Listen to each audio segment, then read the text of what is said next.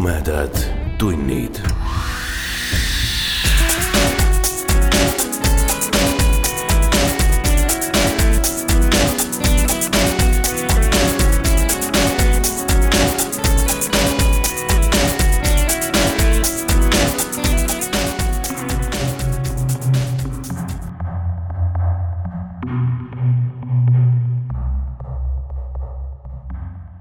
Tere, hea ulmesõber ja head vabariigi aastapäeva. Te kuulete jutuvestmis podcasti Tumedad tunnid kaheksateistkümnendat osa. mina olen saatejuht Priit Öövel. pärast ootamatult jututuks kujunenud jaanuarikuud on meil taas kord rõõm olla teie ees. ja täna me loeme taas kord ette ühe jutu, mille on meile saatnud autor ise. mõnda aega tagasi sattus minu kätte Indrek Hargla koostatud ulmekogumik Vinguv jalaluu milles sisalduvad kõik lood, on saanud ainest Friedrich Reinhold Kreutzwaldi Eesti ennemuistsete juttude maailmast. meie tänane lugu ei pärine sellest kogumikust. aga ka see on saanud ainest Kreutzwaldi maailmast. kui keegi soovib seda omapäi lugeda, siis saab seda teha Reaktorist, eelmise aasta novembrikuu numbrist ma loen teile Reidar Andressoni ulmeloo Kus on rüütlite kodu?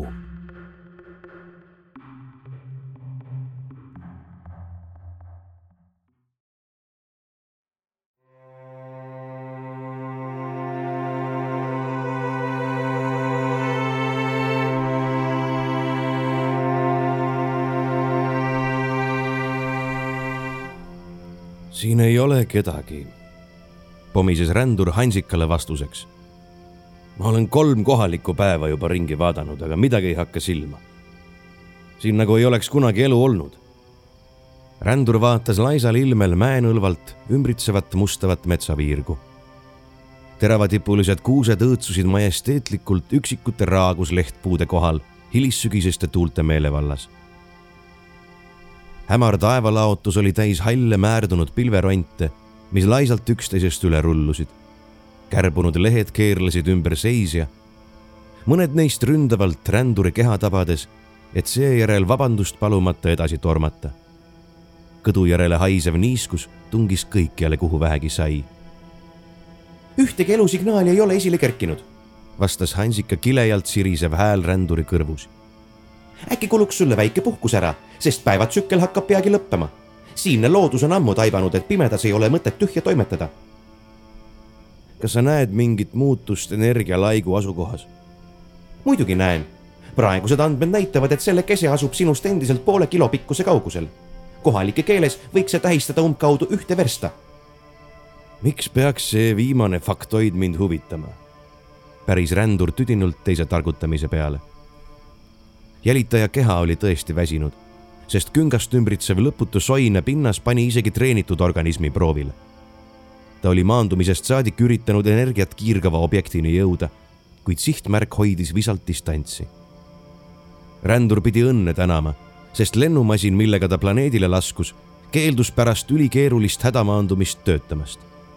ainus loogiline seletus rikkele oli maapinnal olev võõras energiaväli ei jäänud muud üle, kui proovida jalgsi anomaaliat uurima minna lugematud kilopikkused tuima lirtsuvat vantsimist, aga ei mingit tulemust. kõige tipuks ei suutnud ükski puude vahele lendu saadetud luureterake temani infot toimetada, jäädes tihnikusse kadunuks. mu jutt ei peagi huvi pakkuma, jätkas Hansika häirimatult. proovin sind lihtsalt olustikuga kurssi viia. see piirkond, kus me viibime, kandis omal ajal Eestimaa nimetust Nende uute teadmistega kohalikust eripärast oskad eestlaste kogukonnaga noh, suudad inimestega kergemini ühise keele leida. kui me ei ole seni ainsamatki elumärki tuvastanud, miks peame mingite terminite peale aega raiskama?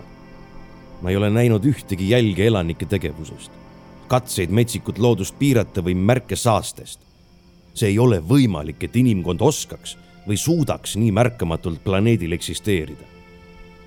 rändur mõtles erinevatele stsenaariumitele, mis võisid viia näiteks eluasemete kadumiseni aga millegi usutavani ei jõudnud.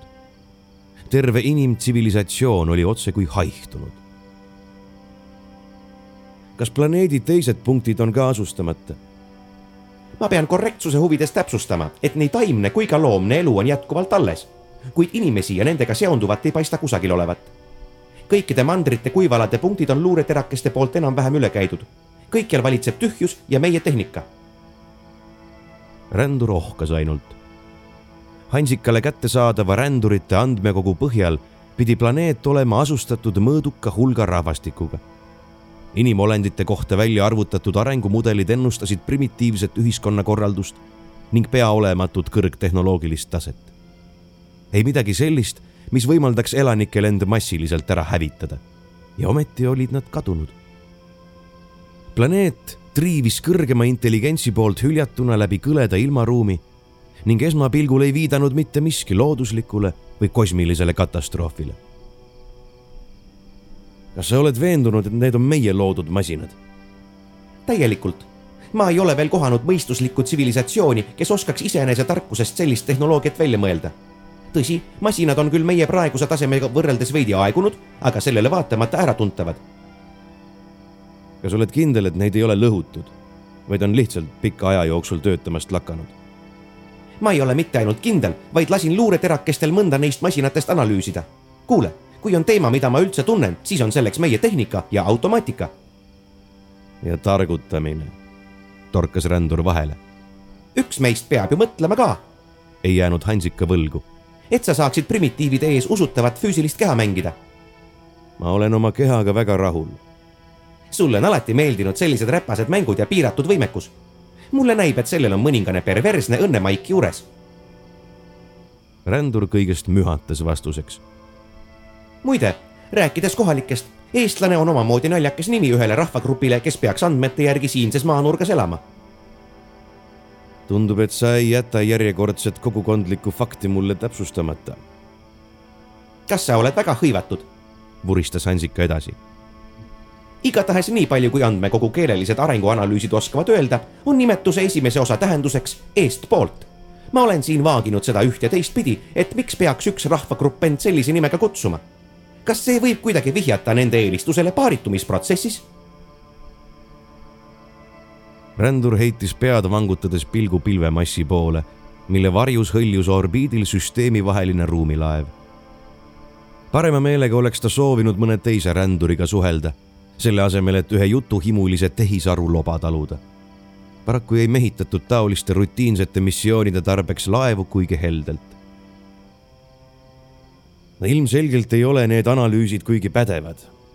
tihti on nimetused seotud pigem geograafia või hoopis millegi kolmandaga. ma arvan, et minu seletus on siiski parem. ausalt, mulle tõesti ei lähe see korda, mida sa arvad. hakkas rändur kannatust kaotama. Anna mulle lihtsalt fakte, kui ma neid küsin. ma usun, et sind võiks huvitada järgmine fakt. ma nimelt näen sinu poole liikumas üht elusat inimest. mida? ei suutnud rändur kuuldut uskuda. kas tõesti on mõni inimolend siiski elus? nüüd nägi temagi näitusid, mis kirjeldasid ootamatu objekti lähenemist. see liikus sirgjooneliselt ränduri suunas. sul on tundlikumad sensorid. Kas sa oskad täpsustada, kust see tuleb? ma pakun, et energialaigu suunast. see paistab olevat inimene, nii palju, kui ma ülalt nähtut uskuda saan. spektraalanalüüsi järgi vähemalt sest pilved ei lase korralikku optilist pilti luua. rändur vabastas vöölt süsimusta elusvikati pulga, mis moodustas omaniku käsu peale lülilise struktuurina pika varre ning kaardus otsast imepeeneks lõiketeraks. elusvikati relvana kasutamist tuli ränduritel üliharva ette.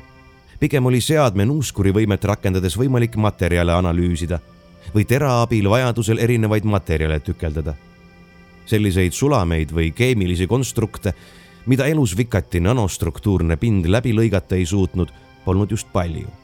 jämedamate objektide puhul oli küsimus pigem ajas. seletamatu eelaimduse kõhedus läbistas rändurit. ta pigistas elusvikati vart ning andis käsu ümbritsevate nuuskida. abivahend väänles ussjalt ränduri ees ja püüdis muutusi registreerida. ainsaks erinevuseks oli laetud osakeste kontsentratsiooni vaevu märgatav tõus õhus. hämarast metsaviirust hakkas paistma kuma, mis iga hetkega tugevamaks muutus. tüved heitsid künkal seisva ränduri suunas teravaid varjuposte, mis aeglaselt üle maapinna ja võsase tausta hiilisid. ühtäkki libises puude vahelt välja omapärane kiitsakas kuju, kel rippus lõua otsas lühike punakas habemenäss ning keha kattis pikk pruuni värvi rüü. ränduril oli hägus ettekujutus inimolenditest ja nende jagunemisest väliste tunnuste alusel kaheks erinevaks sooks. antud juhul paistis olevat tegemist eakama mehega.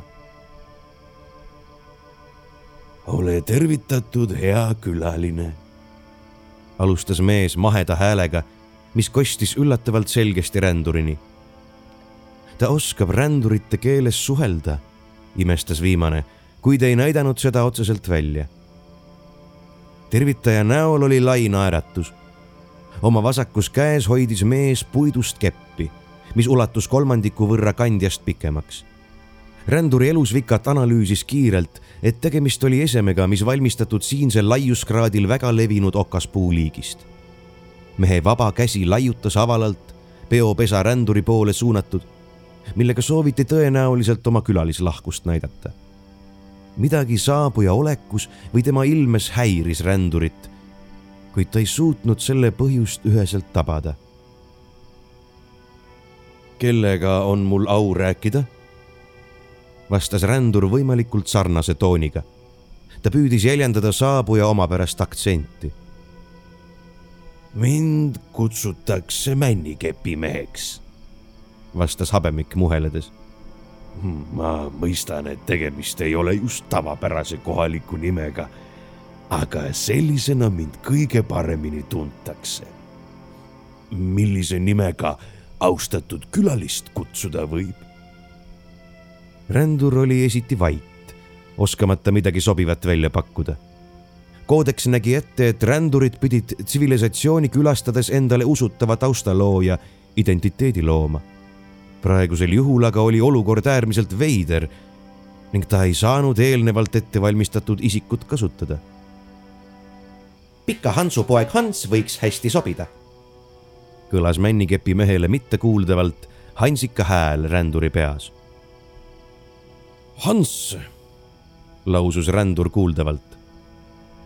Niisama lihtne ongi, Hans päris männikepimees kerge üllatusvarjundiga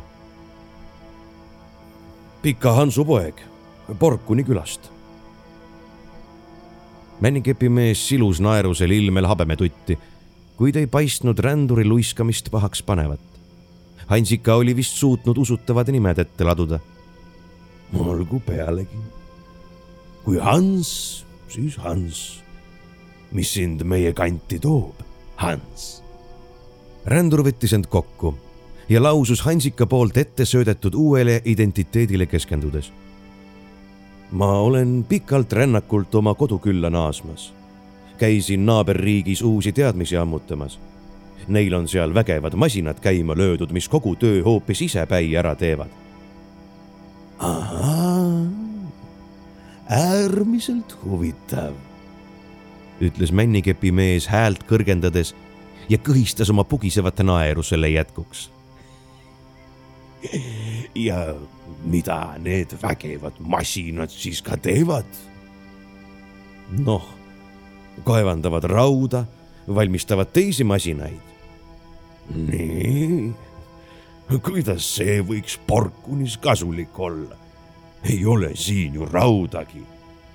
noh, ehk on võimalik juba siin olevaid vanu masinaid ümber teha. nii, hea küll aga mida need masinad tegema peaksid? kuidas mida? aitaksid igapäevastes töödes, ehitamine, raske kandami vedamine, toidu valmistamine. Neid võib kasutada milleks iganes. see, see kõik on väga tore. Aga nendel masinatel puudub hing.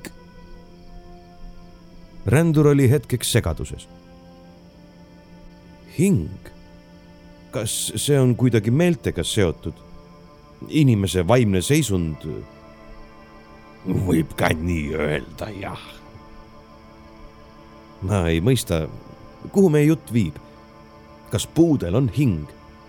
kas maapinnal, mis meile elu kasvatab, on hing. Masinad ei ole tõesti inimesed, kuid neil on oma teadvus. Neid võib võtta kui isiksusi, kellel on hing. naabermaade elanikud on masinaid hästi hoidnud ja nende sisemaailma kasvatanud. ka Porkuni rahvale kuluksid need teadmised ära. nii? mis nii? kuidas puudub masinate hing või selle puudumine Porkuni külarahva abistamisse? ehk on parem, kui sulle näitan, austatud külaline. männikepimees võttis mõlema käega oma sauast kinni ja vehkis sellega õhus. ta pomises nina alla mingeid sõnu, millest oli eemalt võimatu aru saada. ränduri elusvikat võttis kiiresti võitlusasendi ning selle moodulitest koosnev nanostruktuur jäigastus. kuidas läheb? Kõlas Hansika hääl täiesti valel hetkel valjult ränduri peas. midagi oli paigast ära, sest signaal ei tulnud tavapäraseid kanaleid pidi. hoopis elus Vikat ise suhtles ränduriga Hansika häälel.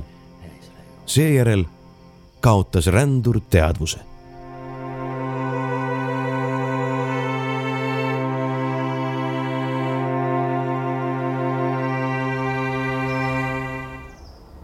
hei, sõber. kostis rändurini läbi teadvusuima kellegi hääl. on sinuga kõik hästi? rändur suutis pilgu lõpuks teravustada, et näha enda kohal sedasama männikepimeest, kellega ta just kohtunud oli. või kas see oli ikka alles juhtunud? luba, ma aitan su püsti, Hans pakkus mees naeratuse saatel abivalmilt oma kätt rändur suutis end istukile ajada. Nende ümber oli kõik muutunud.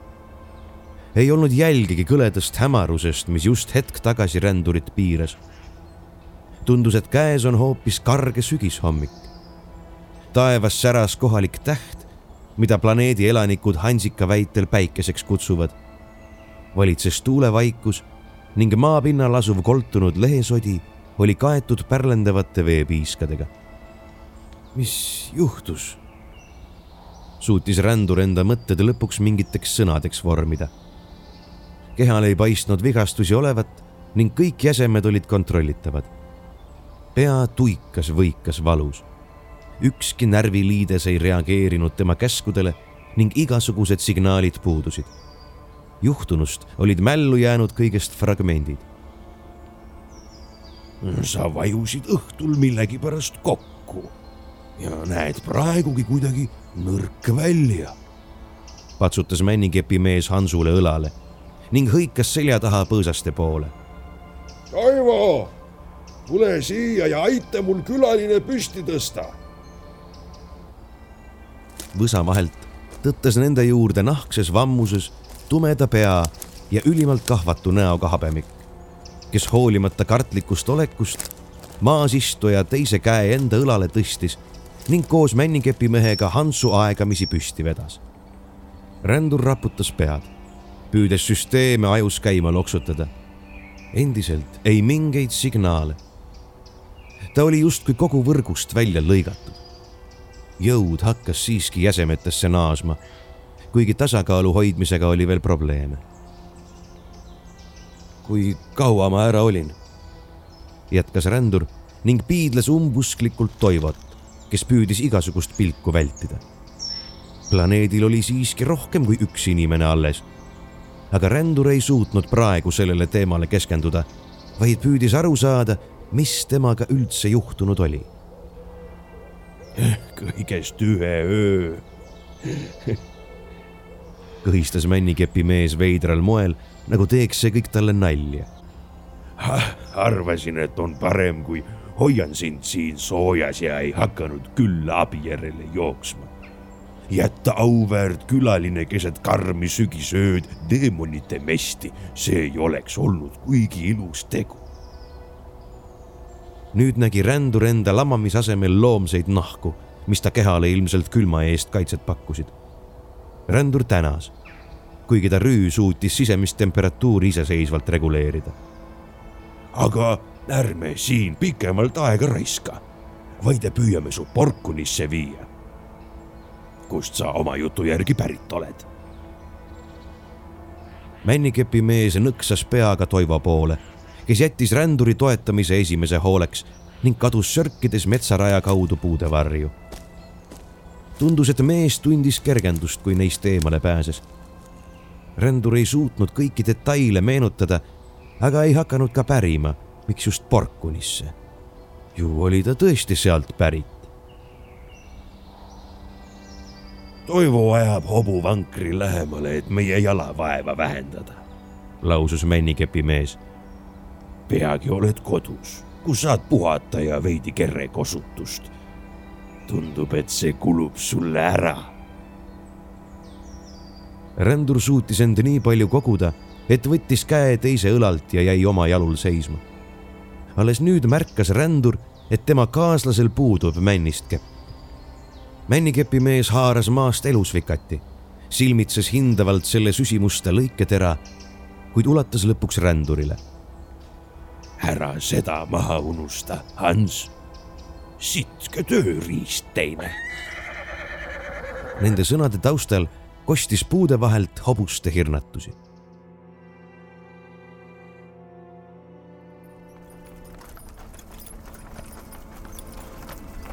Külakeskus koosnes peamiselt tosinast talumajast, mis paiknesid Porkuni järve kaldal. majade vahelt paistis üle vee viiv puidust sild saarele millel kõrgus kivist tornide, vallikraavi ja kõrge müüriga linnus. männikepi mees oli vankriga sõites kutsunud seda Küngassaare kindluseks. küla ise oli suhteliselt vaikne, kui mitte arvestada mõnda meest või naist majapidamiste juures toimetamas.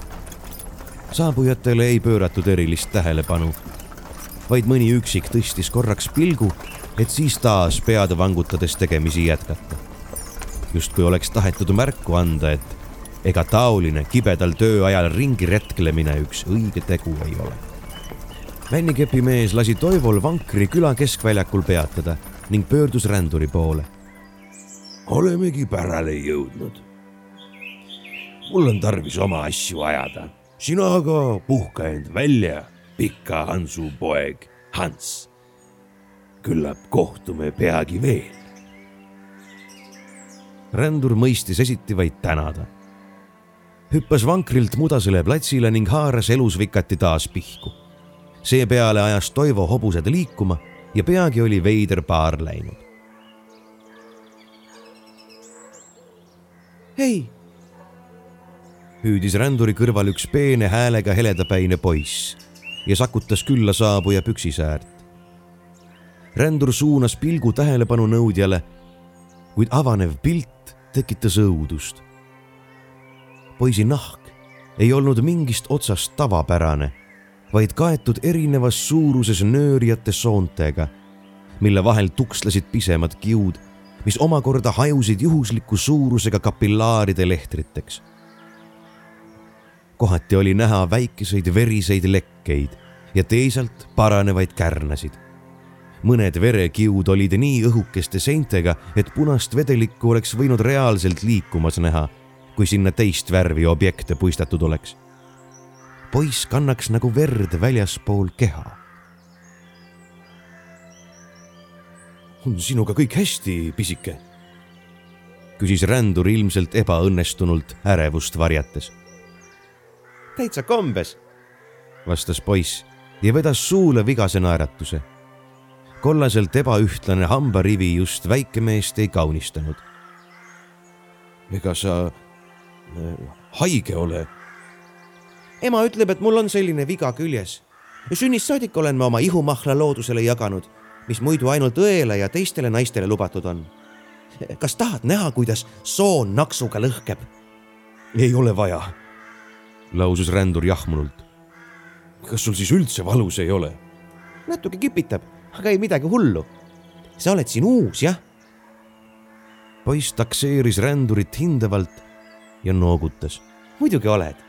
männikepi mees toob üliharva kedagi siia, jätkas poiss. mu vanaema rääkis, et kui tema vanaema veel elas, siis toodi üks külaline. ränduril hakkasid mingid udused mälupildid oma algsest missioonist esile kerkima. Vankris loksudes oli talle lõplikult selgeks saanud, et ühendus orbiidiga oli täielikult kadunud. ning ükski kehasse siirdatud tehisliides tema kutsungitele ei reageerinud. elusvikat oli tardunud tööriista kujule, mille sarnast võis mõne teisegi külaelaniku käes märgata. ei jäänudki muud üle, kui üritada kohalike abil toimuvast mingit pilti ette saada. külaline, ütled sa? Seega siia saabub teisigi külalisi? tavaliselt käivad siin kaupmehed või head inimesed naaberküladest vastas poiss imestaval toonil. aga need ei ole külalised. siis tõmbas ta silmad vidukile ja maalis kavala ilme ette. ega sa ei tüssa mind, külaline? mul ei olnud midagi sellist plaanis. jätkas rändur ja vaatas ringi. Mitte keegi ei pööranud omapärasele paarile tähelepanu kas sulle on räägitud, millised need külalised välja võisid näha? ma ei tea. lausus poiss muretult õlgu kehitades. võib-olla. no nad on seni sinu mast ja onud ja tädid olnud küll. kõik on läinud sinna järve. poiss viipas hooletult Porkuni järve suunas. mismoodi järve? Küngassaare kindlusesse ikka? ei, järve. rändur kortsutas esiti kulme, aga manas koheselt näole taas lahke ilme poiss võis temaga lihtsalt nalja teha. eks peab mõnelt täiskasvanud kohalikult järele uurima, mis siin toimub. praegu aga tundis rändur kõhus veidrat pitsitust, mis võis tähendada, et ta keha vajab hädasti toitu. Ränduri organism oli kohandatud siinse planeedi orgaanikat omastama. no olgu pealegi. aga kust võiks minusugune külaline kehakinnitust leida? kõrts asub järve kaldal kõigest käänaku taga. poiss lidus seejärel mööda Porist külatänavat minema. ma unustasin küsida, mis su nimi on? hüüdis rändur jooksjale järele. Iko.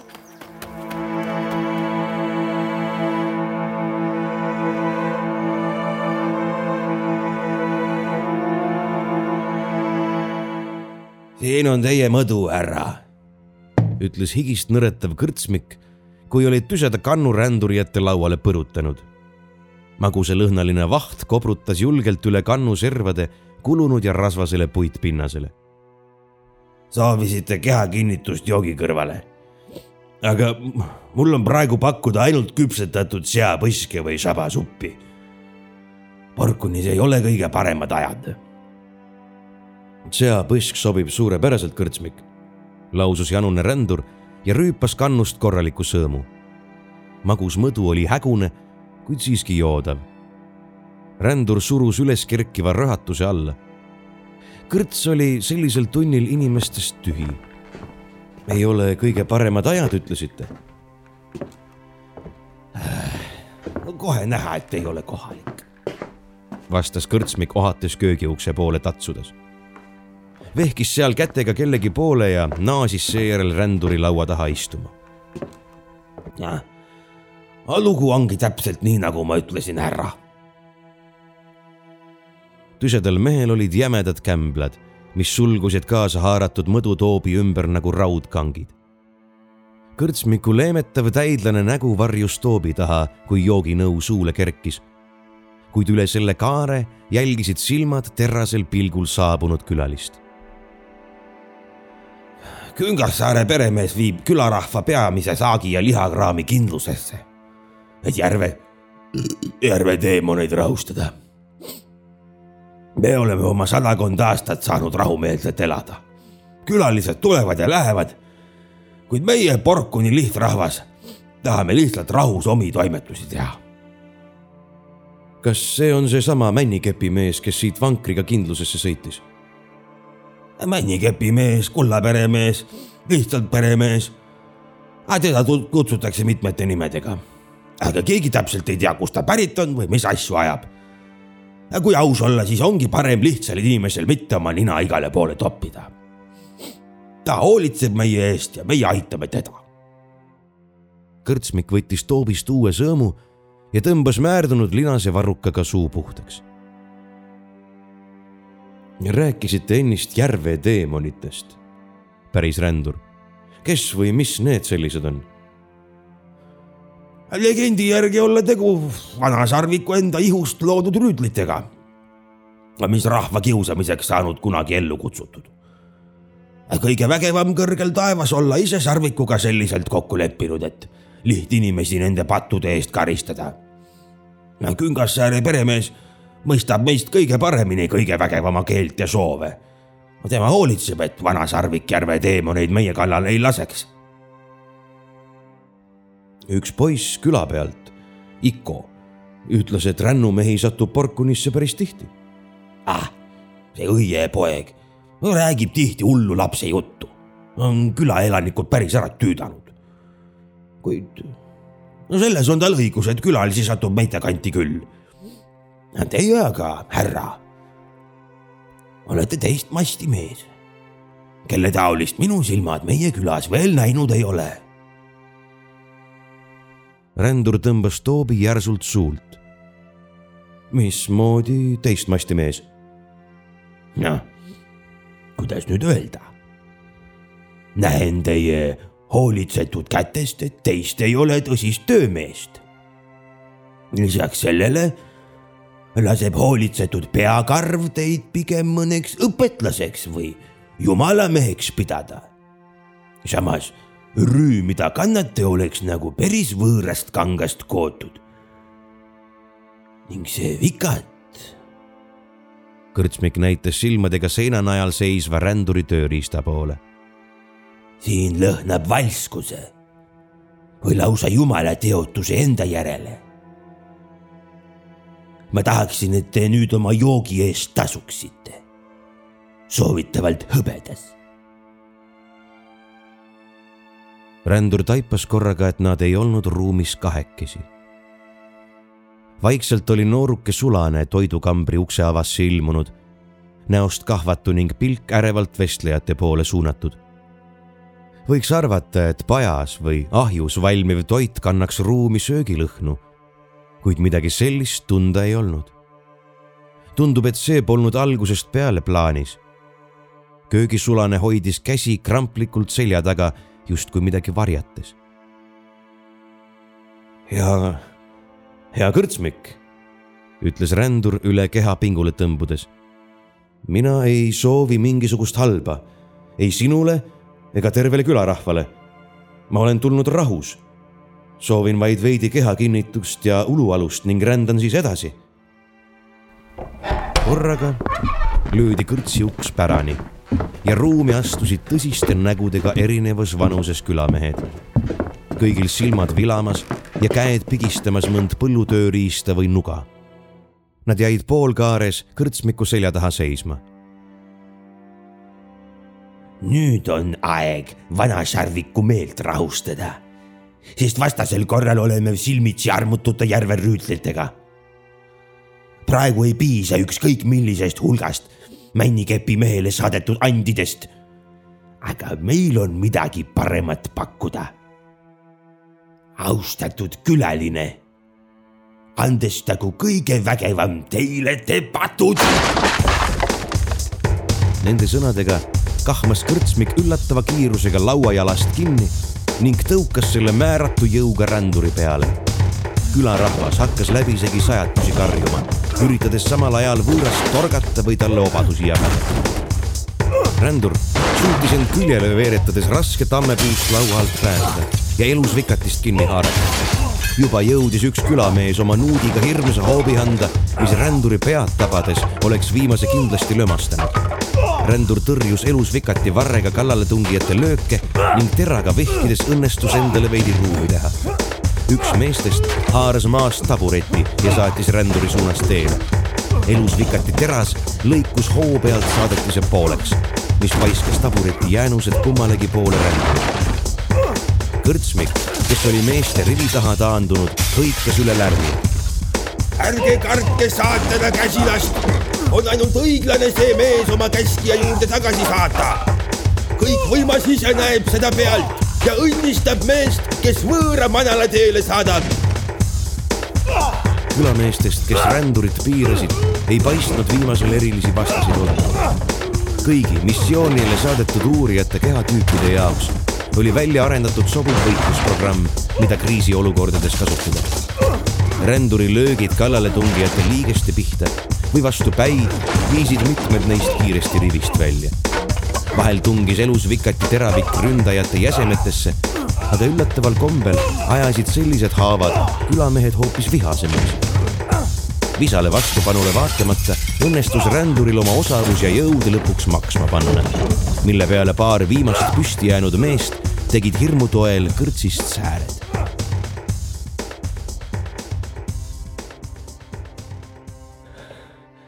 Kas, kas nüüd arutame asja edasi? päris hingamist aeglasemaks reguleeriv rändur kangestunud kõrtsmiku käest, kes ühtelugu usumärki ette lõi ja midagi omaette pomises. köögisulane pillas halvatult lihanoa käest ning puges kõrtsmiku suure kere varju. kao siit, teemon, suutis kõrtsmik ränduri poole segaselt puristada. rändur ohkas ning rapsis enda mustalt ürbilt tolmuga segatud verepritsmed maha ta kiskus oma taskupaunast välja pisikese hõbedase maagikamaka ja heitis köögisulasele. see peaks mu kulud täielikult korvama. rändur nõksatas peaga purunenud mööblijäänuste suunas. ma leian endale ööseks mõne teise varjualuse. Eks ma pean valgustama naaberkülasid, millise lahkusega Porkuni rahvas saabujaid vastu võtab. rändur astus õue tema selja taga löödi kõrtsi uks pauguga kinni. külatänav oli vaikne. siin lähedal loksus vaikselt järvevesi ning aeg-ajalt võis lautadest kuulda koduloomade kaeblikke hääli. nii palju, kui neid lihtrahvale alles jäänud oli. Rändur tundis keset porist külateed seistes nõutust. pärast juhtunut vaevalt talle keegi ulualust pakub. kõht oli endiselt piinavalt tühi ja üldiselt ei olnud mees kuigi palju targemaks saanud. üheks võimaluseks oli Küngassaare kindlust külastada ning männikepi mehelt endalt aru pärida. kuid ehk oli mõistlik esialgu metsast mõni uluk kinni püüda, et veidi jõudu koguda. Võis arvata, et kindluse peremees on osadega külast mestis ning siin oli vaja mingi muu lahendus leida, kui lihtsalt jõuga rahvast läbi raiuda. järverüütlid võisid veidi oodata.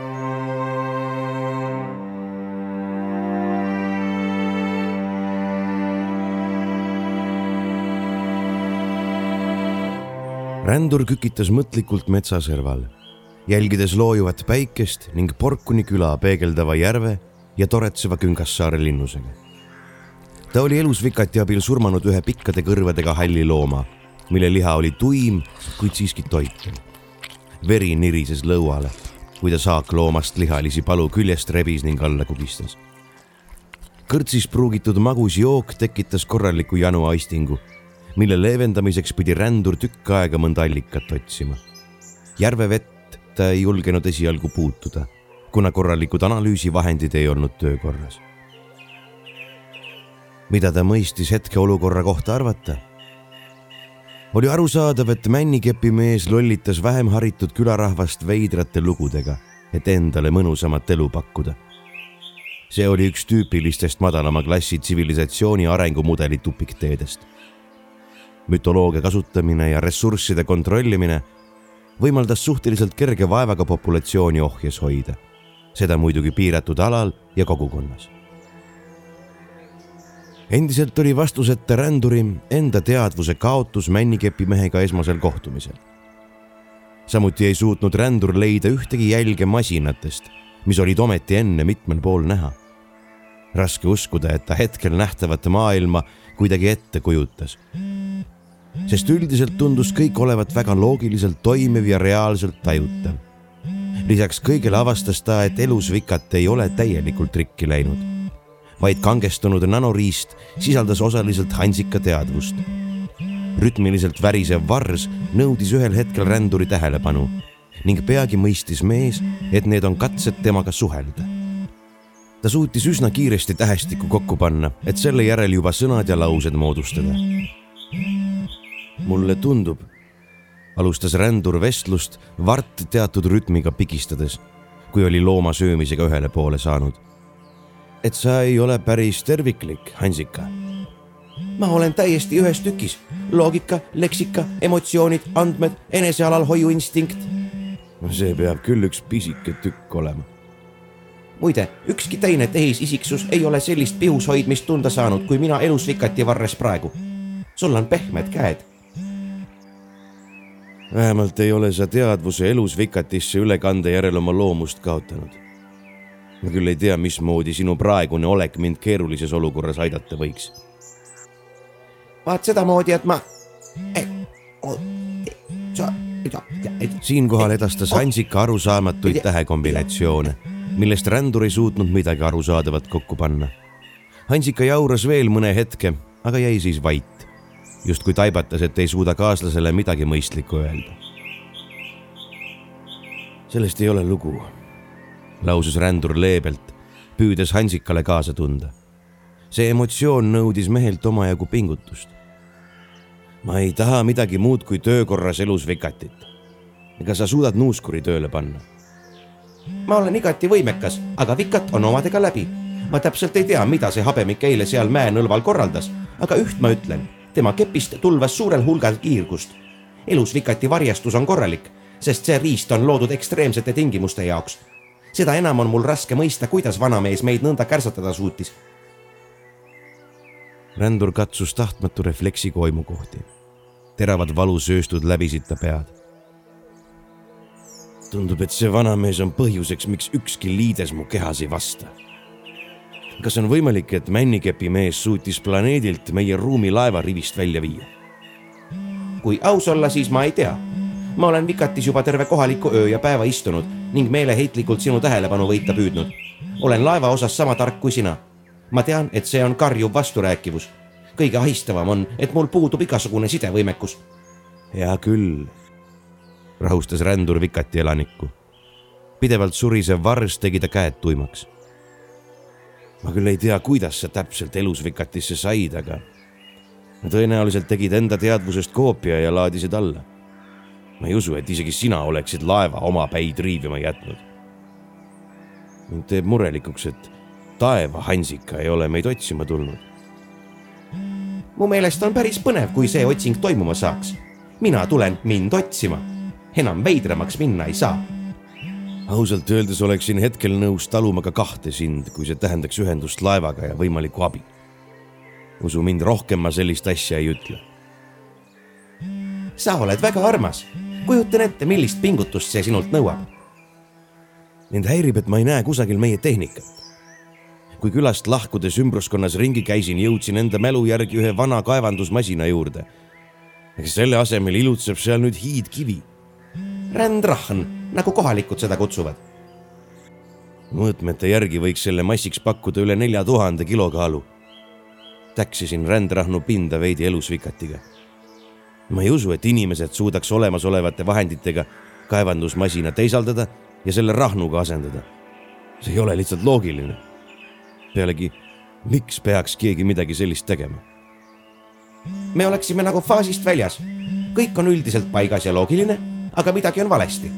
ma nimetaksin seda nihkemaailmaks. sellist juttu ajab virtuaalne kaaslane, kelle jaoks nullid ja ühed on fikseeritud suurused. midagi on tõesti paigast ära. muide, ma kutsusin Iko õhtuks siia. pärast väikest juhtumit kõrtsis ei soovinud ükski külaelanik minuga pistmist teha. poiss lubas vähemalt kohale tulla oh sind ja su vastupandamatut šarmi. ma pean sind hoiatama, et kohalikud ei suhtu kuigi sõbralikult täiskasvanute lembusesse laste suhtes. see olla üks suurtest pattudest. ah, ära nüüd nii kõvasti seda vikati regulaatorit pigista. mu käsi juba tulitab sinu suvalisest mölast. katsu veidi tõsisem olla. pealegi, mul on tunne, et kuulen kedagi tulemas rändur ajas end sirgu, sest ta märkas puude varjus mingit liikumist. tuul oli vaibunud ning hämarus mässinud küla ja ümbritseva looduse endasse. hääled metsas olid vaikinud. justkui hinge kinni hoides jälgisid iidsed tammed nende ümber toimuvat. Need võimsad puud olid aegade jooksul küla poole alla vaadates nii mõndagi näinud, kuid mis täna öösel toimuma hakkab, ei aimanud ilmselt nemadki. Härra, hüüdis poiss puude vahelt välja astudes. ta toetus kätega põlvedele ja kogus veidi hinge, enne kui edasi rääkida sai. järverüütlid tulevad. ma tean, et nad tulevad. meie pere varjus keldrisse, teised külainimesed samuti. miks sina siis peitu ei poe, Iko? küsis rändur. mind need rüütlid ei puutu. ma olen verepoiss. poiss võttis sõrmedega vasakul randmel looklevast paisest kinni ja pigistas seda. kostis naksatus, mille järel kattus käenahk tumeda verega. Iko lakkus käe puhtaks ja ei teinud haavast erilist numbrit. järverüütlid on minu elu jooksul kaks korda Porkuni kandis ringi käinud, kuid mina ei paku neile huvi. esimesel korral olin üksi metsas ringi jooksmas ja ei jõudnud õigel ajal koju. siis nägin esimest korda rüütleid. Ma koperdasin kogemata ühele neist raudmeestest järve lähedal lihtsalt otsa, kui lepapõsast välja tormasin. oi kui valusa laksu vastu pead ma sain, härra. ma määrisin tahtmatult järverüütli jala oma verega kokku. tol korral lõhkes vist oma tosina jagu verepaunu korraga ma ei mäleta kõike nii täpselt, sest olin üsna väike põnn. aga põrutada sain ikka korralikult. too järverüütel vaatas mind oma põlevate täppidega läbi kiivri ja tõukas mu kõrvale nagu mingi puunoti. Ta ei teinud sulle midagi? ei. no kuidas need rüütlid teistesse külaelanikesse suhtuvad? Iko kallutas pea taas küljele ning kortsutas kulme. ega te jälle minuga nalja tee, härra seda teavad ju kõik. rüütlid veavad alati kellegi endaga kaasa. noh, sinna järve, kust nad ise välja ronivad. ja keegi ei tea, kes nad on ja miks külaelanikke ära viivad. Männikepi mees teab kindlasti. ta räägib kogu aeg, et peame loomi ja vilja kindlusesse viima, kus ta järveisandate meeli rahustada püüab. kui keegi külaelanikest pattu teeb, tulevad rüütlid ja viivad kellegi ära seepärast meil külaväljakul see mastimänd seisab. enne teist järverüütlite tulekut aitas mu isa kuuse Peetri posti külge siduda, sest ta olla kelleltki seapekki varastanud. rändur säilitas rahuliku oleku, kuigi sisimas keeras. Te siis ohverdate lausa enda elanikke, ilma et nad oleks korralikult süüdi mõistetud. ma ei saa aru, lausus Iko miks peab keegi neid veel süüdi mõistma, kui nad on juba pattu teinud? hea küll, las see praegu olla. sa ütlesid ennist, et järverüütlid tulevad. vaadake järve poole, härra. kas näete seda helendust järve keskel? Kindluses asuvas vahitornis hakkas kaeblikult kumisema kell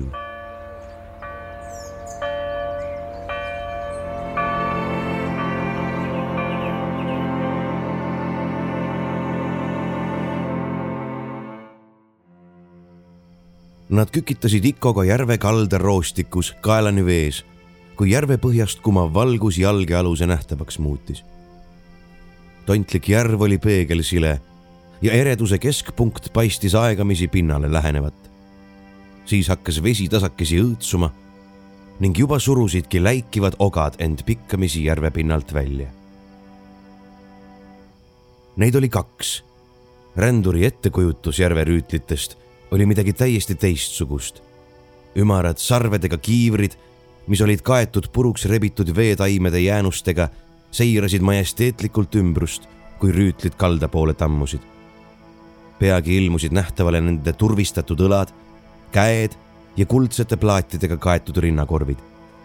kummaski käes hoidsid rüütlid pikki helkivaid lõiketerasid, mida ränduri hinnangul ükski külaelanik käes hoida ei suudaks nendega vehklemisest rääkimata. rändurite andmebaasist oli ta planeedile saabumise eel leidnud ajalookirjeid inimeste algelistest soomusrüüdest ja võitlusrelvadest. kuid järverüütlid nägid pigem välja nagu jumalikud kujud keset barbaarset maisust. tugevnenud lained kandsid ränduri ja ikoni mudaseid hoovusi Nad pidid vaeva nägema, et mitte enda päid liiga kõrgele tõstes rüütlitele oma asukohta reeta rändur pigistas käes elusvikatit, et Hansikat toimuvaga kursis hoida. kuldsed metallist võitlejad, kel pikad lõiketerad käes, räägid sa? küsis Hansika. Midagi jaburamat on raske välja mõelda. sellise kohmaka rüü ja varustusega on pea võimatu midagi tulemuslikku saavutada. kas sa näed siin kusagil neile tõsist vastast? päris rändur Hansikalt ja haaras Ikost kinni, kes püüdis roostiku kaitsvast varjust välja ujuma hakata. järverüütlid olid kaldale jõudnud ja seisatanud, nagu peaks mingit plaani. Ma ei väida, et nad oma ogade ja teradega kohalikes hirmu ei ärata, aga iga pisemgi väljatõukur augustaks need mehikesed tundmatuseni. paraku ei ole praegu kusagilt ühtegi väljatõukurit võtta. isegi mu elus vikad on rohkem surnud kui sarnase kujuga heinaniitmise tööriist, millega külarahvas toimetab. endiselt ei mingit austust. väristas Hansika vastuseks ja jäi hoopis vait. Järverüütlid keerasid järsult ringi ja võtsid nüüd suuna küla keskväljaku poole, kus kõrgus tume ohvripost. rändur kordas sosistades Ikole juhtnöörid üle ning lasi lõdiseval poisil minema joosta. mõne hetke pärast ujus rändur ise kaldale ja raputas enda kaitserüü kuivaks. tundus, et konflikt rüütlitega on vältimatu. rändur tegi mõned soojendavad liigutused kätega, et aineringlust kehas käima saada. Siis oli aeg järverüütlitele järgneda. ränduri üllatuseks ei paistnud rüütlid maismaal liikudes sugugi kohmakad olevat. jälitatavad olid küll korraks Mastimänni juures külaväljakul peatunud, aga siis eri suundadesse liikunud ja tegid seda üpris tõtlikul sammul, mida nende keha suurust arvestades, umbkaudu kaks inimkeha pikkust, ei oleks oodanud. rändur valis ühe neist välja ning püüdis majanurkade või puude taha varjudes rüütliga sammu pidada. teine järverüütel paistis kindluse või järve poole tagasi suunduvat. ränduri jälitatav jõudis kõrtsi juurde ja kummardus ukse kohale. ühe ainsa hoobiga suutis rüütel ukse pilbasteks lüüa suur kogu piidles hoone sisemust, kuid taganes peagi ja suundus hoopis kõrgendiku poole, kus rändur ennist Ikoga kohtunud oli. plaan, kuidas rüütlist jagu saada, oli iseenesest labaselt lihtne. Iko hoidis metsaviiru juures jälitatava tähelepanu enda peal, kuni rändur puude vahel silgates rüütliga maad vähendas, et hiiglasele märkamatult ligi hiilida. Iko käes olev elusvikat paistis rüütlile huvi pakkuvat mistõttu püüdis kogukas jälitaja puid murdes poisini tungida. Iko põgenes üha sügavamale laande, aga jäi siis ühe tihniku varju pidama. Rüütel oli parajasti tüvesid ragistades metallse kehaga sihtmärgi suunas liikumas, kui naksatas ootamatult paigale. rändur oli ta kehast välja turritavate ogade peale hüpanud ja rüütlile selga roninud. järve rüütel keeras pea kuklasse ning viskas ühe pika lõiketera käest et tüütu ronija maha pühkida. ränduril õnnestus pugeda ogade vahele, mis takistasid järverüütli kohmakail kämmaldel temast kinni haarata. Rüütel katsetas uut meetodit parasiidist vabanemiseks ja kukutas end seljaga vastu lähimat kuusetüve. viimane raksatas hoobilt pooleks. rändur karjatas valust, kui ogade vahele pressitav puumass ta rinnakut rõhus. ventileerimissüsteem oli hetkeks halvatud kuid aineringlus leidis kiiresti alternatiivsed teed ja jäsemed näisid olevat tegutsemisvõimelised. kui rüütel valmistus uut puutüve põrmustama, hüüdis rändur Iko nime. Poiss kargas peidust välja ning viskas elus vikati ränduri poole. viimane tahtis selle kinni püüda, kuid järverüütel oli kärmem. metallist rüütli vaba käsi haaras elus vikatist kinni ja rändurile tundus, et nüüd on lõpp lähedal. rüütel virutas jalaga Iko poole kes saadud hoobist lendas kohutava hooga vastu tüve ning jäi selle ette näoli liikumatult lamama. Verd lahmas üle poisi keha ja eemalt ei olnud võimalik näha, kas see oli kõigest paunade lõhkemise tagajärg või mõni suurem kehaline vigastus. rändur puges ogade vahelt veidi kõrgemale ning ulatus peaaegu rüütli massiivset kiivrit puudutama, kui teda tabas taas võigas pressimine uue kuusetüve vastu. saadud hoop lõi mõistuse paigast aga jäsemed hoidsid kangestunult siiski keha paigal. taastudes nägi rändur, kuidas rüütel valmistus kolmandat tüve purustama. rändur aimas, et seda ta ilmselt üle ei ela. aineringlus taastus uuesti ja isegi ventileerimissüsteem elustus, kuid sellest kõigest ei väheks järve rüütel oli liialt massiivne, et rändur suudaks pelgalt oma jäsemetega seda kahjustada. hetked tundusid mööduvat igavikuna, kui ränduri aju palavikuliselt töötades püüdis lahendust leida. Kui mu vikat ometi tõeliselt elus oleks, suutis ta mõelda. justkui imeväel keeras elus vikat end rõngasse, haaras rüütli randme oma kammitsasse ning rebis selle armutult omaniku küljest lahti metallne käelava kukkus tuhmi mütsuga niiskele pinnasele. elus vikat tõukas end lava küljest lahti ja silkas mao liikumist jäljendades või juhuslikult kerre tõmbudes järverüütli jala ning lõiketera hoopide eest kõrvale. Rändur kasutas hetke ära, haaras üle kiivri järverüütli silma avadest kinni. röögatuse saatel jalgadega rüütli selga surudes õnnestus tal vaenlase kiiver nii paigast nihutada et rüütli põlevad silmakoopad hoopis näoplaadi varju jäid.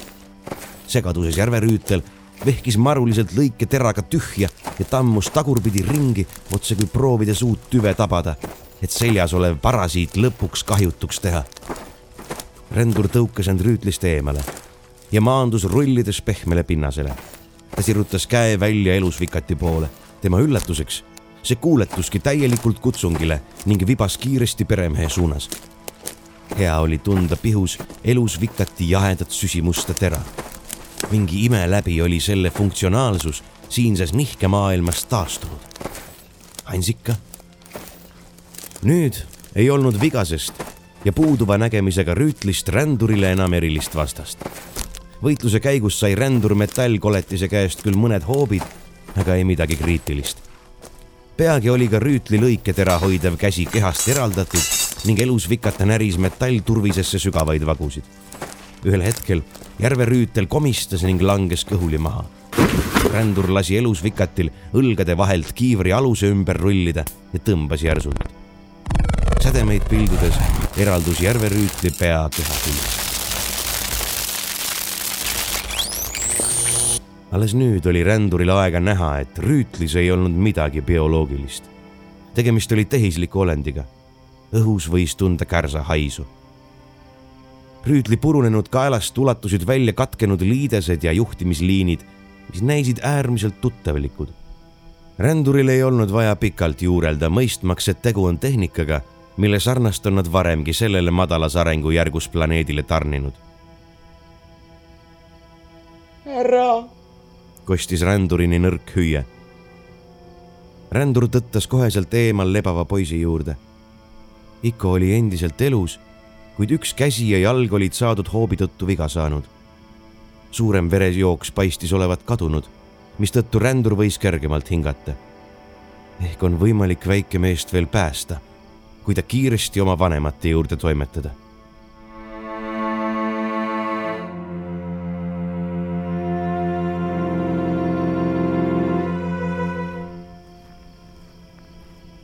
ega sul väga ebamugav ole päris rändu Riko käest, kes oli tugevasti rihmadega ta selja külge seotud, nii et peaga ainult tahapoole nägi. mu käsi teeb põrgu valu, vastas Iko hämmastavalt reipalt, arvestades läbielatut. aga jalga praktiliselt ei tunne. ma saan hakkama, härra. rändur oli esiotsa poisi koju kiirustanud, kuid nad leidsid talumaja tühjana. keldriluuk oli hingedelt maha kistud ja võis arvata, et teine järverüütel käis siin neid otsimas segi paisatud asemed, taburetid, pada ja söetükid muldpõrandal.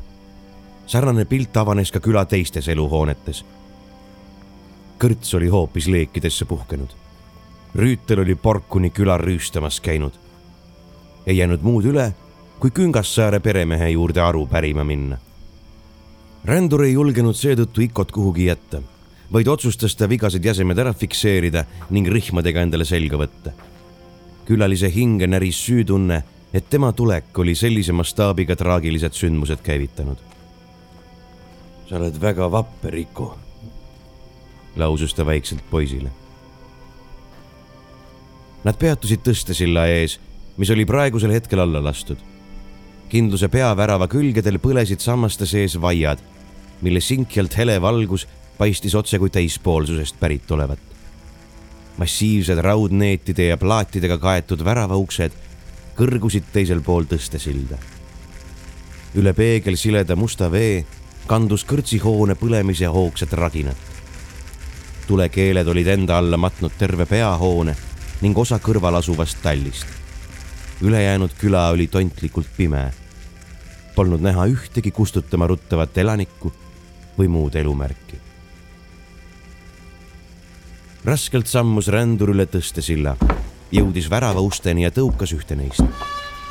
aeglaselt kägisedes vajus viimane avali ning ränduri ees palistus kindluse hämar siseõu.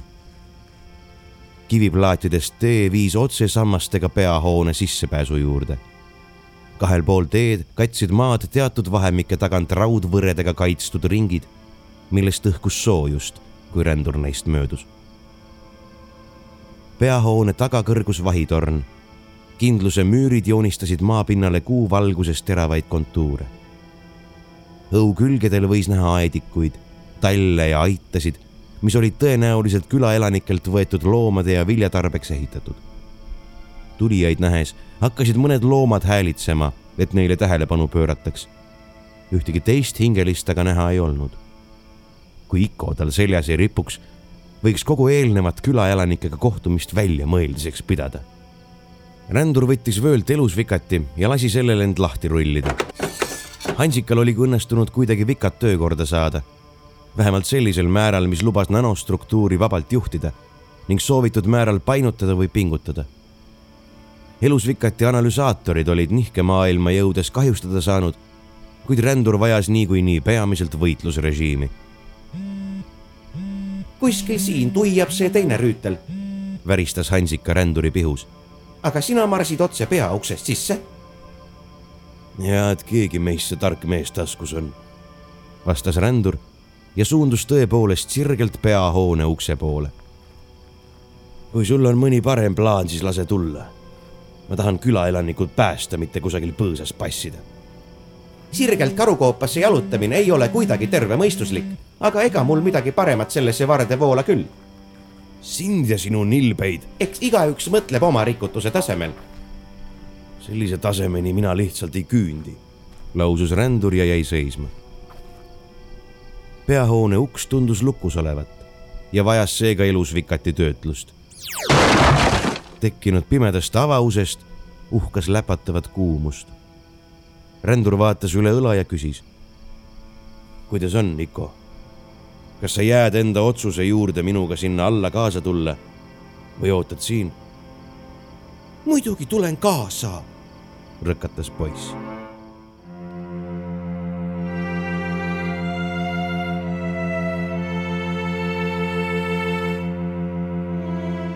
veider seltskond, vibelev elusvikat, võõrapärases rüüs mees ja viimase seljas rippuv sant poiss liikusid pikalt mööda erinevaid saale, kambreid ja lõpuks ka maa-aluseid käike.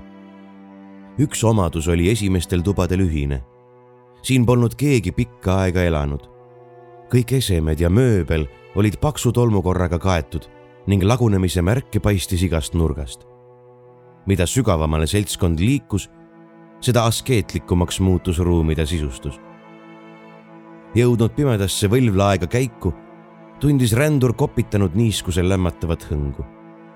käidud tee suuna järgi otsustades olid nad tõenäoliselt Porkuni järve põhja alla jõudnud. põlev vai, mille rändur Iko õpetuste järgi peasaalis süüdanud oli, valgustas vaevu lähimaid pindu. kusagilt kaugusest kostis nendeni ühtlast tundamist kerkivad kuumakraadid muutsid liikumise vaevalisemaks, kuid rändur suutis enda keha reguleerida, et liikuvkoed saaksid maksimaalselt energiat. härra, alustas Iko, kui nad olid vaikides pikalt vantsinud. ma ei taha teid segada. aga kas te kuulete neid hääli? kas sa mõtled, et need on külainimeste kaebed, mis sealt alt kostavad? ma ei tea aga kõhe on kuulata küll. Härra, mis te arvate, kas mu vanemad on ka seal? väike Iko, ära muretse. me leiame su vanemad üles. Nad on head inimesed ja ei ole midagi valesti teinud. Iko jäi vait, kuid rändur tundis, et poiss on endiselt pinges. peagi hakkas midagi ees kumama. palavus oli nüüdseks nii rängaks muutunud, et isegi ränduril oli organismi normaalselt funktsioneerimas hoidmisega raskusi. higi, mida Iko ja rändur kahe peale eritasid, muutsid rõivad vettinuiks seltskond jõudis lõpuks ühte avarasse võlvkambrisse, kust undamine oli alguse saanud. keset ruumi seisid hiiglaslikud kandilised masinad, mis panid ruumi põrandat vibreerima. eemal oli näha mitmeid musti inimkogusid liikumas, kes väiksemate seadmete kallal grupina tegutsesid või üksikuna midagi vedasid. Neid oli igas vanuses ja mõlemast soost. rändur seisis Iko ja elus vikatiga trepi kohal mis viis otse keskpõrandale. lummatud sellisest sagimisest ja vaatepildist ei suutnud rändur midagi kosta. ta andis pigistuste teel Hansikale uut informatsiooni. Iko oli samamoodi jahmunud ning vahtis suu ammuli, kuidas läbipaistvates masinates uusi järverüütleid loodi. sealsamas kõrval huugasid kuumad ahjud, mis kütsid hiiglaslikke sulametalli täis vanne tuleb välja, et ma alahindasin sind, pika Hansu poeg Hans, ütles keegi pilkaval toonil seltskonna kõrval. või peaksin sind kutsuma hoopis Vikati meheks? Võpatusega pööras rändur hääle poole. elus Vikat tema pihus hakkas vingerdama. Nende kõrvale oli ilmunud helendav männikepimehe naeratav püst. rändur tõmbas sellest käega läbi ilmselt mingi holograafiline kujutis. nimeta mind kelleks tahes, vastas rändur rahulikult, pilkest välja tegemata. küsimus ei ole minus, vaid hoopis sinu motiivides, mõrtsukas. Nüüd tegi männikepimees imestunud nägu. mõrtsukas? mind on tõesti igasuguste nimedega nimetatud, kuid nõnda morbiidselt küll mitte äkki astute minu ruumidest läbi ja räägime sellest õdusamas õhkkonnas lähemalt. seltskond oli koolnukahvatute külameeste poolt sisse piiratud.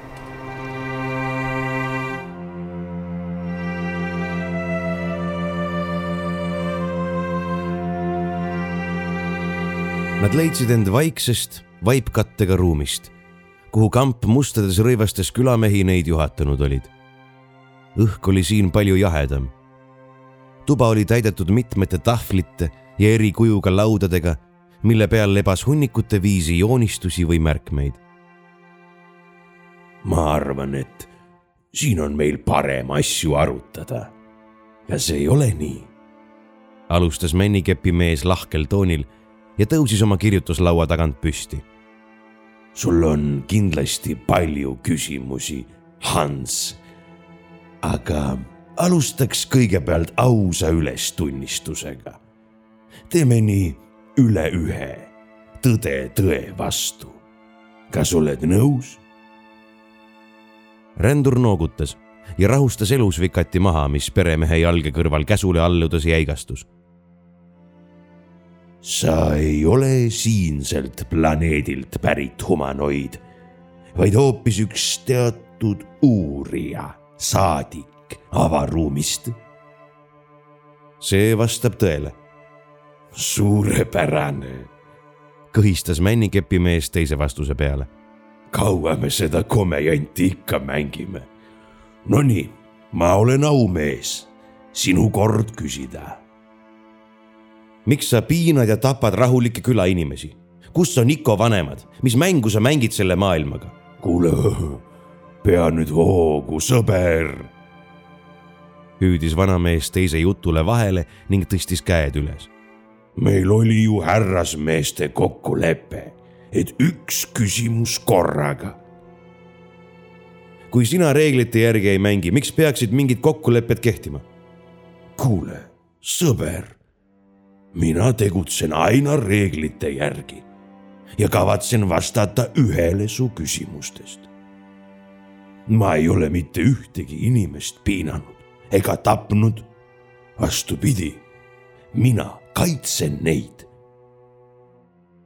männikepimees nipsutas heameelest sõrmi. paistis, nagu ta naudiks nende väikest vestlust. nii. Ma olen alati tundnud huvi külaliste tegevuse vastu. kas teie assamblee jätkab endiselt masinatega mässamist tuntud seemneplaneetidel. rändur. rändur võpatas, kuigi ta pidi juba aimama, et männikepimees teab temast ning ta tegemistest palju rohkem, kui arvata võiks. mis seemneplaneetidest ta räägib? päris Ikko sosistades. rändur oli poisi olemasolu hetkeks päris ära unustanud kuid mees vastas siiski vanamehele. sa tundud teadvat väga palju meist ja meie tegemistest, vanamees. assamblee toetab tõesti planeete uuema tehnikaga ja jälgib nende arenguid hoolikalt. Me oleme teinud kõik, et muuta domineeriva mõistusliku liigi areng võimalikult sujuvaks. kontroll selle üle jääbki rändureist uurijatele. seetõttu olen mina siin, et välja selgitada miks meie tehnika äkki töötamise lõpetas nii. kõhistas männikepimees jälle oma veidrat naeru. sind loe nagu Taara enda pühakirja. kõik on nii lihtne ja selge. Hea küll, sinu järgmine küsimus. mida sa Iko vanematega tegid? rändurit hakkas männikepimehe itsitamine ära tüütama aga ta suutis oma emotsioone talitseda. poiss on viga saanud ja vajab neid. jälle sa süüdistad mind, lausus vanamees pead vangutades ja tõsist ilmet teeseldes. olgu nii, poiss saab oma vanemate juurde. Kohe veendud ise, et ma ei ole Vagale külarahvale midagi halba teinud. vanamees nipsutas sõrmi ja tema selja taga avanes tume sein paar koolnu näoga saatjat tõid ruumi murest murtud ilmega mehe ja naise, kes kandsid lõhkiseid määrdunud linasest riideid. Nende näod leemetasid tahmasest higist. mu poeg, hüüdis poisi ema, kui rändur selja nende poole pööras. Vanemad tormasid Iko juurde ja vabastasid väeti kuju rihmadest. ränduri poolt tehtud lahas poisi jalale lubas viimasel isegi oma jõul püsti seista erutunud osapooled kallistasid ja vatrasid, kuis suutsid, unustades täiesti teised ruumis viibijad ning enda asukoha.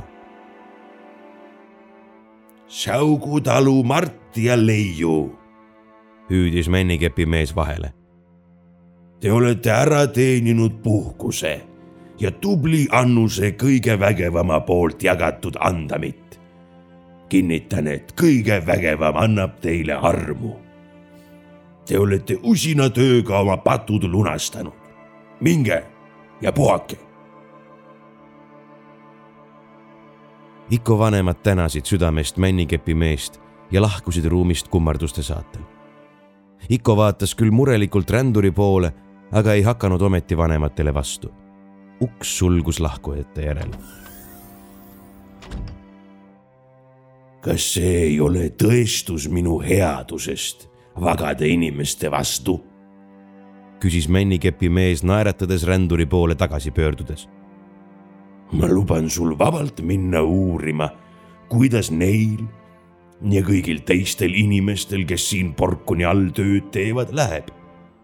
juhul, kui oled mulle oma vikati andnud.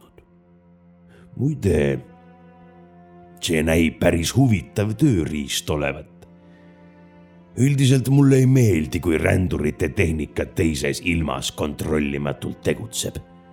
aga antud seade on imetlusväärne tehnoloogiline saavutus. ma alahindasin selle võimeid, kui hommikul sulle tagastasin. näed, juba teine eksimus viimase ööpäeva jooksul. Aga nüüd mu küsimus. kas sellel vikatil on hing sees? rändur andis elusvikatile korralduse uuesti vabalt ringi vibada, et vanamehe enesekindlust murendada. pealtnäha ei lasknud männikepi mees end seadme tegevusest mõjutada, kuid silmad jälgisid teraselt vikati iga liigutust. nagu ma meie esimesel kohtumisel ütlesin, on igal seadmel hing sees. tehismõistused, mis neid kontrollivad, elavad sõltumatult. Neil on samad iseloomuomadused, mis bioloogilistel olenditel. mõtted, arvamused, tunded, hing, nagu sina seda nimetad. elus vikatil, mida sa mu pihus näed, on oma tahe täiesti olemas. ta kuuletub mulle, sest soovib seda teha. kogu rändurite tehnoloogia on selline ränduri luiskamine paistis mõjuvat, sest vanamees jäi seda juttu kuuldes mõtlikuks. Hansika suristas trotslikult ränduri pihus, aga viimane hoidis kogu tähelepanu vanamehel. mulle aitab sinu sõnamängudest, männikepimees, jätkas rändur, püüdes olukorda ära kasutada. sa ei veena mind oma võltsi vagadusega, et Porkunis toimunu ei ole sinu süü. sa kasutad neid järverüütleid mis on tegelikult hingetu rändurite tehnoloogia, et siinset elanikkonda terroriseerida ja oma tahtmist täitma panna. olen siin tõesti assamblee saadikuna korda loomas. rändurite tehnoloogia kasutamine sõjalisel või mõnel muul agressiivsel moel kohaliku tsivilisatsiooni vastu on rangelt keelatud. lisaks mängid sa suuremate jõududega nagu paralleeldimensioonid. ma ei oska muud seletust anda sellele teisele ilmale või nihkemaailmale või kuidas iganes seda düstoopiat siin nimetada. lase inimesed vabaks. saadikud on üldiselt diplomaatidena osavamad sõnasepad. alustas vanamees pärast hetkelist vaikust. hea küll, aitab mängudest. olen näinud oma silmaga, kuidas tehnoloogia siinsele tsivilisatsioonile mõjub. õigemini nende otsustele ja ressursside tarbimisele. ma mõistan väga hästi, et tegelikult juhtub sama teistes tähesüsteemides. iga tsivilisatsioon vajab tehnoloogiliseks arenguks järjest rohkem materjale ning energiat. iga tase tähendab kordades suuremat nälga ressursside järele. justkui kusagilt ilmus vanamehe pihku pikk männipuust sau ta vaatas seda mõne hetke ning pöördus siis ränduri poole. ma tegin kunagi ammu oma valiku, jätkas männikepimees nüüd juba naeratades. Taara on andnud mulle väe muuta midagi paremaks. ei ole olemas ainuõiget teed, mida rändurite assamblee kipub jutlustama. saab ka teisiti, lihtsamat, vagamat moodi ma olen proovinud hinge masinatesse viia. Need järverüütlid on tõesti kokku pandud rändurite seadmete osadest. aga tehnika juhtimiseks ei olnud neis hinge. ma proovisin kasutada selleks inimajusid. Need katsed ebaõnnestusid, kuna madal arengutase sai piiravaks. siis külastas planeeti uus rändur. tema aju oli palju sobilikum ja ma sain esimese funktsioneeriva rüütli. mõistuse taltsutamine võttis aega, aga seda mul jagus siin all piisavalt. kui nii võtta, siis oled ainus mõrtsukas sina ise, lugupeetud saadik. tapsid enda kaasuurija männikepimees hakkas aegamisi oma saua keerutama pean tunnistama, et sinu vikat on eriline. ma ei taha hästi uskuda sinu masinate hingejuttu, aga kuidagi on rändurite tehnoloogia toimivana teise ilma sattunud. aga see polegi oluline. peagi olen kogu teise ilma vigadeta toimima saanud ja assamblee rändurid mind enam kimbutama ei pääse las nüüd Taara otsustada asjade üle ja mõista vajadusel kohut.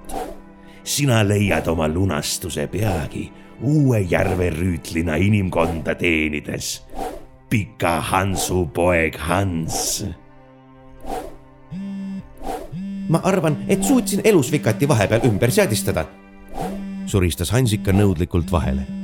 see peaks nüüd vanamehe maagilise energia kõrvale peegeldama. peaks? pigistas rändur vastu iseasi, kas see töötab. Musta töö pead muidugi ise ära tegema. rändur ei hakanud ära ootama, millal männikepimees oma posimisega lõpetab, vaid võttis hoogu ja lajatas elus vikatiga vanamehe pihta. viimane paistis seda käiku ootavat ning põikas hoobist kõrvale. kahe mehe surmatants kestis pikalt. kumbki ei paistnud jäävat osavusest teisele alla. võitlustehnikad, mida rändur valdas, leidsid vanamehe poolt alati sobiva vastuse. Ruumi pritsis sädemeid, kui sau ja vikat üksteisega kokku puutusid rändur üritas mitmel korral elus vikatiga vastaselt relva käest tõmmata, kui nanostruktuur puitvarre oma kammitsaisse haaras aga Saua energiapurse vabastas viimase alati kätkest. ei tea, kui kaua oleks veel võitlus jätkunud, kui männikepi mees ei oleks vikati lõiketera küljega ootamatu obaduse vastu pead saanud. rändur pigistas oma relva jäigaks ning tahtis tera otse vastase kehasse suruda. männikepi mees jõudis viimasel hetkel saua vahele tõsta, kuid see ei pidurdanud piisavalt lõiketera hoogu. valgus mattis kõik endasse.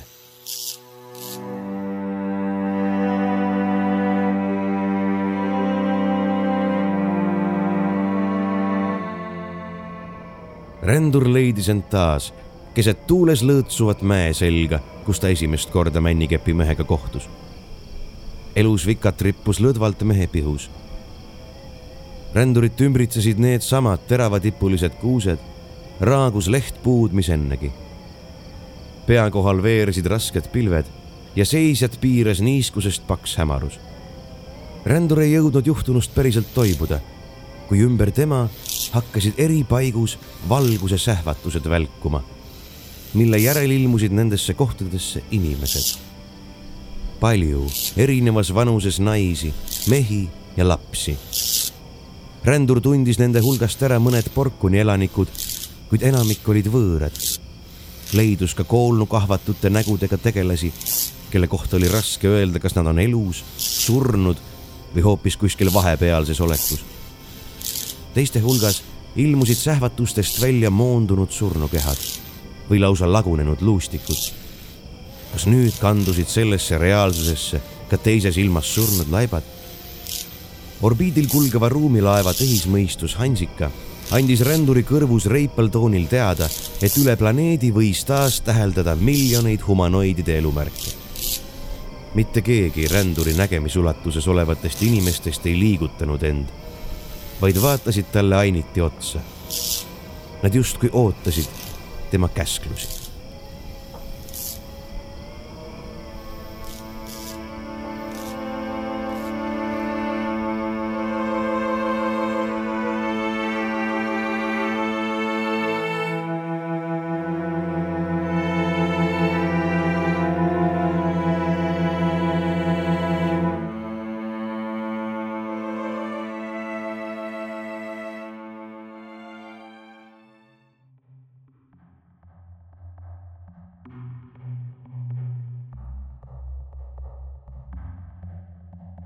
Kui soovite lugu ise üle lugeda või tahate tutvuda Reider Andressoni teiste teostega, siis jälgige linke meie osakirjelduses.